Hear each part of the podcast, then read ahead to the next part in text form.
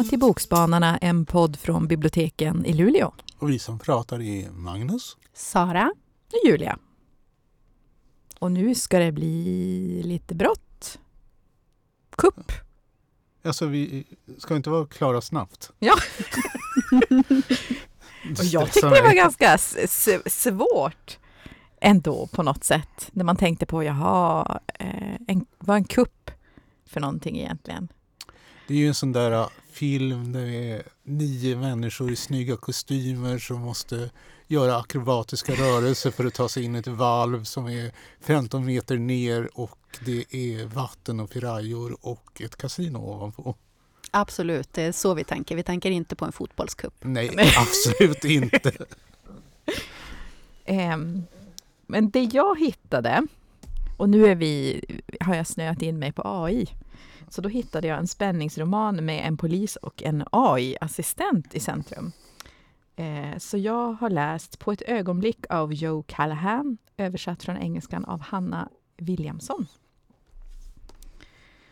Eh, och då befinner vi oss i polishuset i Lake Wotton i Warwickshire, ett grevskap i mellersta England. Och då har vi kriminalintendent Cat Frank, står utanför konferensrummet och betraktar sin nya arbetsgrupp för hon har blivit utsedd till chef för en ny pilotstudie för att testa en ny AI-assistent för polisarbete och se om den kan medföra effektiviseringar. För det är såklart ministern som, har, som tycker att polisen behöver spara pengar.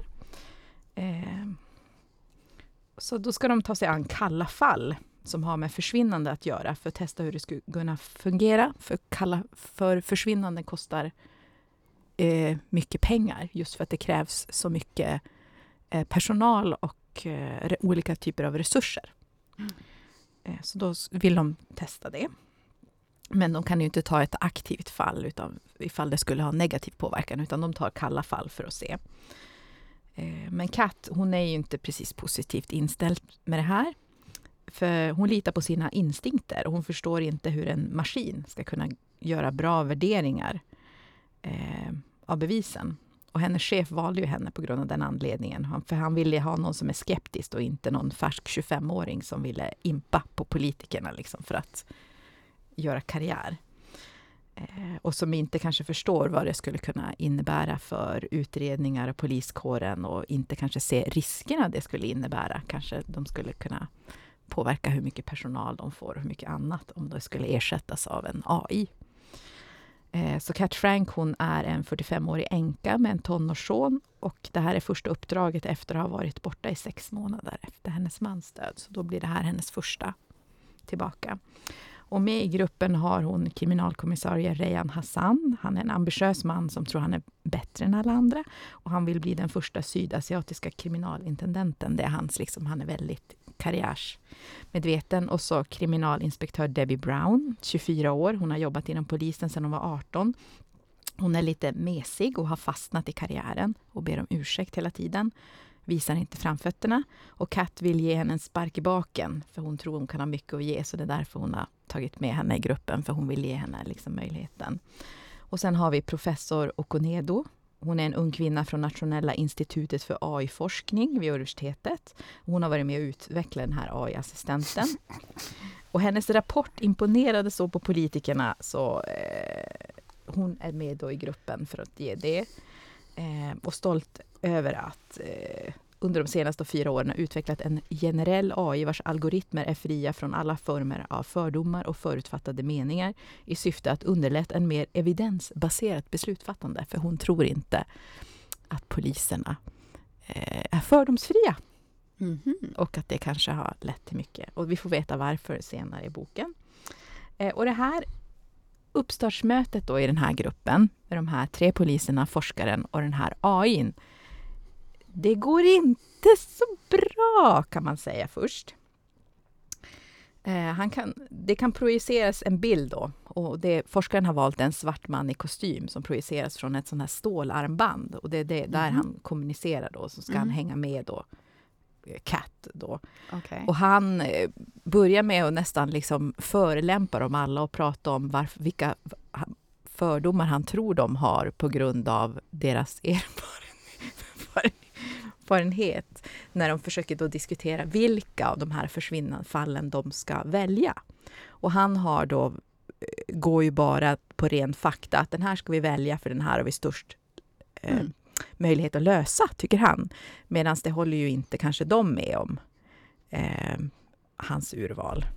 För han tycker, ja men vi kan ta den här vita unga killen, det är störst chans att vi kan lista ut vad det handlar om. Men då Mm. ligger det ju också, vad bygger han det fakta på? Jo, att de brotten är oftast de som lös, löses. Men varför? då? Ja, så då Mm. får de ju diskutera varför han då valde bort att det finns en svarta unga killen.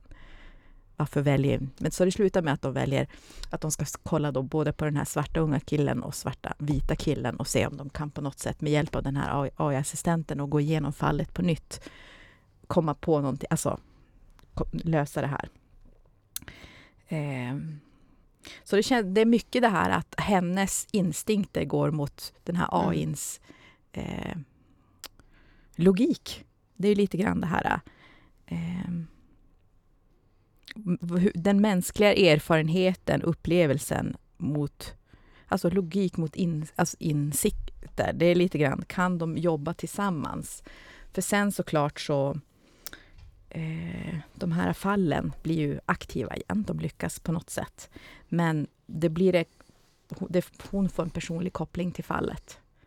Och på något sätt är det kanske bara den här AI-assistenten som kan hjälpa henne. Och eh, det står ju logik mot instinkt, AI mot mänsklig erfarenhet som jag sa. Eh, vad betyder det att vara människa? är det lite grann om, tycker jag, den här boken handlade om. Eh, och det ska komma fler böcker om den här kriminalintendent Cat Frank. Mhm. Så det kan man se, se fram emot. Så jag tyckte ändå det var eh, Alltså det var spännande och det var intressant. Det var mycket det här diskussion dem emellan på eh, för AI. Man sätter foten i klaveret när de, har, när de pratar med en av, av den här försvunna pojkarnas mamma till exempel. Och, säger, och pratar om procentsatser, att det är mycket större chans att han är död och sånt. Alltså sånt som man kanske inte Oj, precis oj. ska säga i, Nej. så att det är mycket det här med att hon, att han, att hon får för, förklara eller de måste diskutera av saker som är outtalade. Mm. Att som han inte kan förstå. Varför måste hon åka och träffa dem ansikte mot ansikte när det är effektivare att ta ett telefonsamtal? Varför måste man, och hon blir ju irriterad, alltså kan man ju förstå när hon hela tiden måste argumentera för sin sak och han han, nu säger jag han eftersom de använder ett manligt ansikte för att representera den här eh, AIn. Den Mm. kanske man ska säga. Ehm, så det är just, just eh, så det var, det var liksom intressant eh, inblick och hon som har skrivit den här, hon har ju jobbat eh, alltså med AI och hur AI kan hjälpa till och sånt. Så hon har ju en inblick om hur AI funkar eh, och kan funka. Så vi får väl se om eh, det finns ju redan AI både i olika medicinska som är med och och sätter diagnoser och, och nu- det verkar ju vara väldigt liksom om den här AI kan jobba dygnet runt och jämföra liksom bilder och göra sådana och analysera hur folk uttalar sig liksom i sociala medier och på Twitter och se, kolla språkjämföra att ja, men det här smset stämmer inte överens med hur den här personen brukar göra i vanliga fall. Kanske det här någon annan som har skrivit det här smset i dens namn och sådana där saker. Så det kommer ju fram saker som, som det verkar som att den kanske är lite snabbare på att, att göra, men sen också fallgroparna som finns eh, i det också.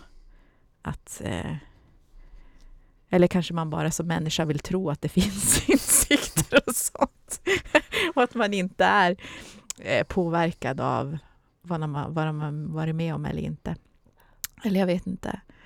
Va, och varför vill man göra? Varför vill man att maskiner ska bli mänskliga? Jag vet inte. Jag tyckte ändå det var, det väckte en del så här, intressanta så här, tankar. Men eh, ja, jag vet inte. Alltså det enda jag kan säga att det där med AIns effektivitet är kanske lite, lite överdrivet. Ja, För, nu, nu är det här utspelar sig, Ja. det är ju inte sagt när, nej, utan För när jag ber ChatGTP och rekommendera böcker som utspelar sig i Luleå så tycker jag att Teorins Ölandssvit är bra. Va? Är inte Öland i Luleå? Nej, jag tror inte det.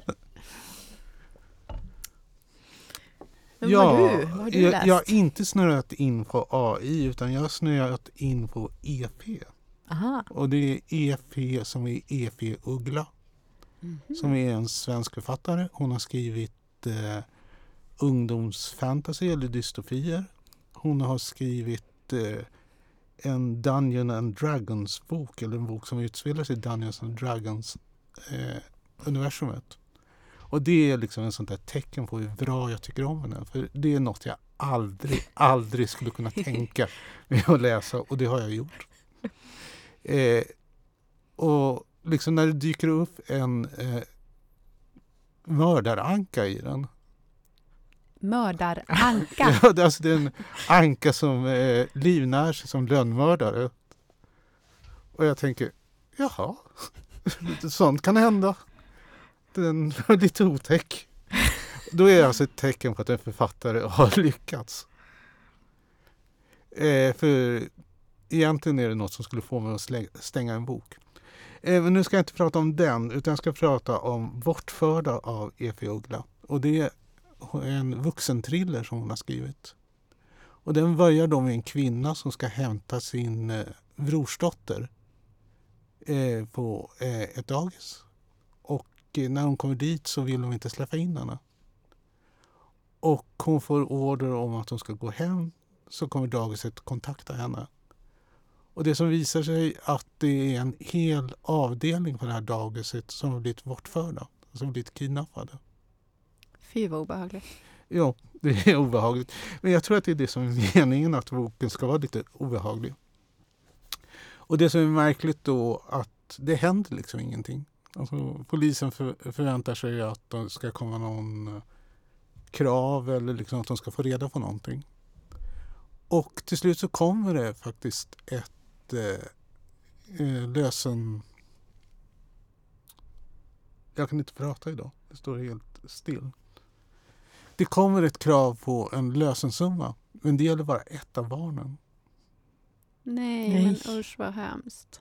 Och då börjar ju folk misstänka att det är något som inte är riktigt rätt.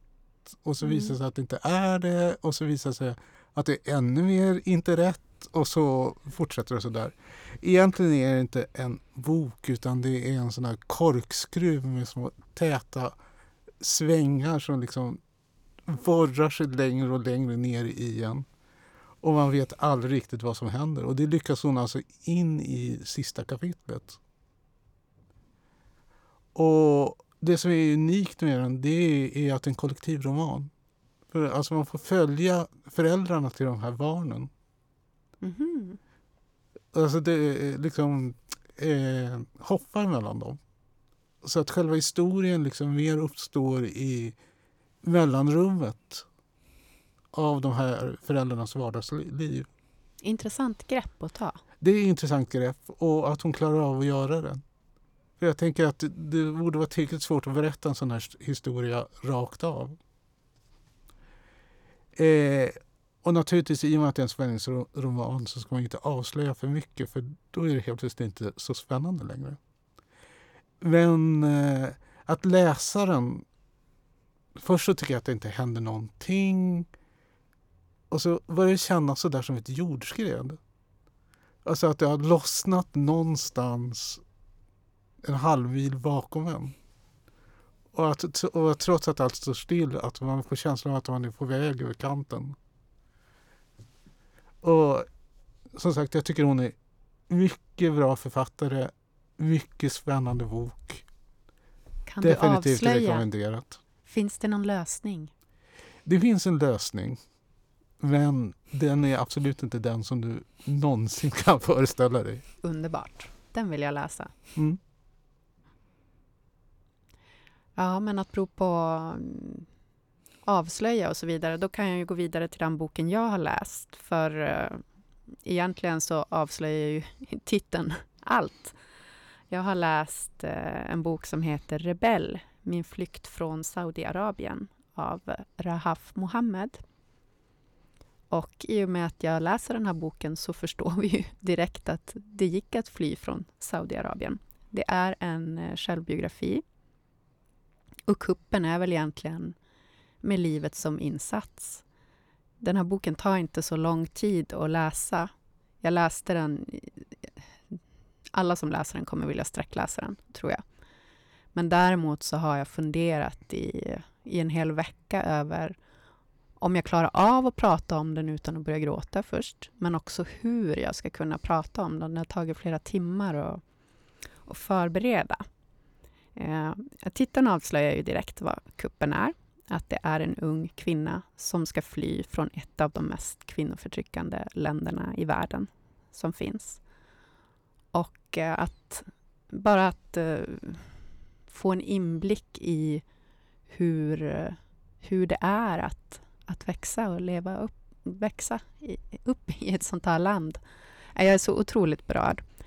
Men det är ju det är så att eh, Rahaf Mohammed är ju inte en författare, utan så det är inte att någon kommer vilja läsa den här boken för det fantastiska språket. Hon skriver på ett sätt så att det känns som att jag sitter och bara lyssnar på henne och hon berättar om sitt liv rakt upp och ner. Och hon berättar om hur hon hade en lycklig barndom från början. Det är ju ett rikt land. Det är ju familjer som har mycket pengar och hon kommer från en, eh, en ganska konservativ del av Saudiarabien. Och när hon är sju år ungefär så börjar hon kanske först reflektera över hur normerna är och när hon är nio år så tänker hon på riktigt över lite mer ytliga frågeställningar såsom varför ska kvinnor täcka sig helt i svart, som ju absorberar ljus och värme i ett land som är väldigt varmt, medan män får välja att ha vita kläder istället? Och det här övergår ju ganska snabbt till att fundera över mer strukturella problem och svårigheter och orättvisor som finns.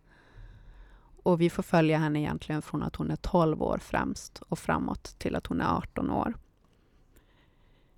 Ehm, hon hon kommer i kontakt, tack vare internet, med människor som kan, kan hjälpa henne att lyckas fly. Och det är eh, en grupp av ateister, feminister, homosexuella, andra unga kvinnor som har lyckats eh, ta sig iväg för att kunna leva fritt.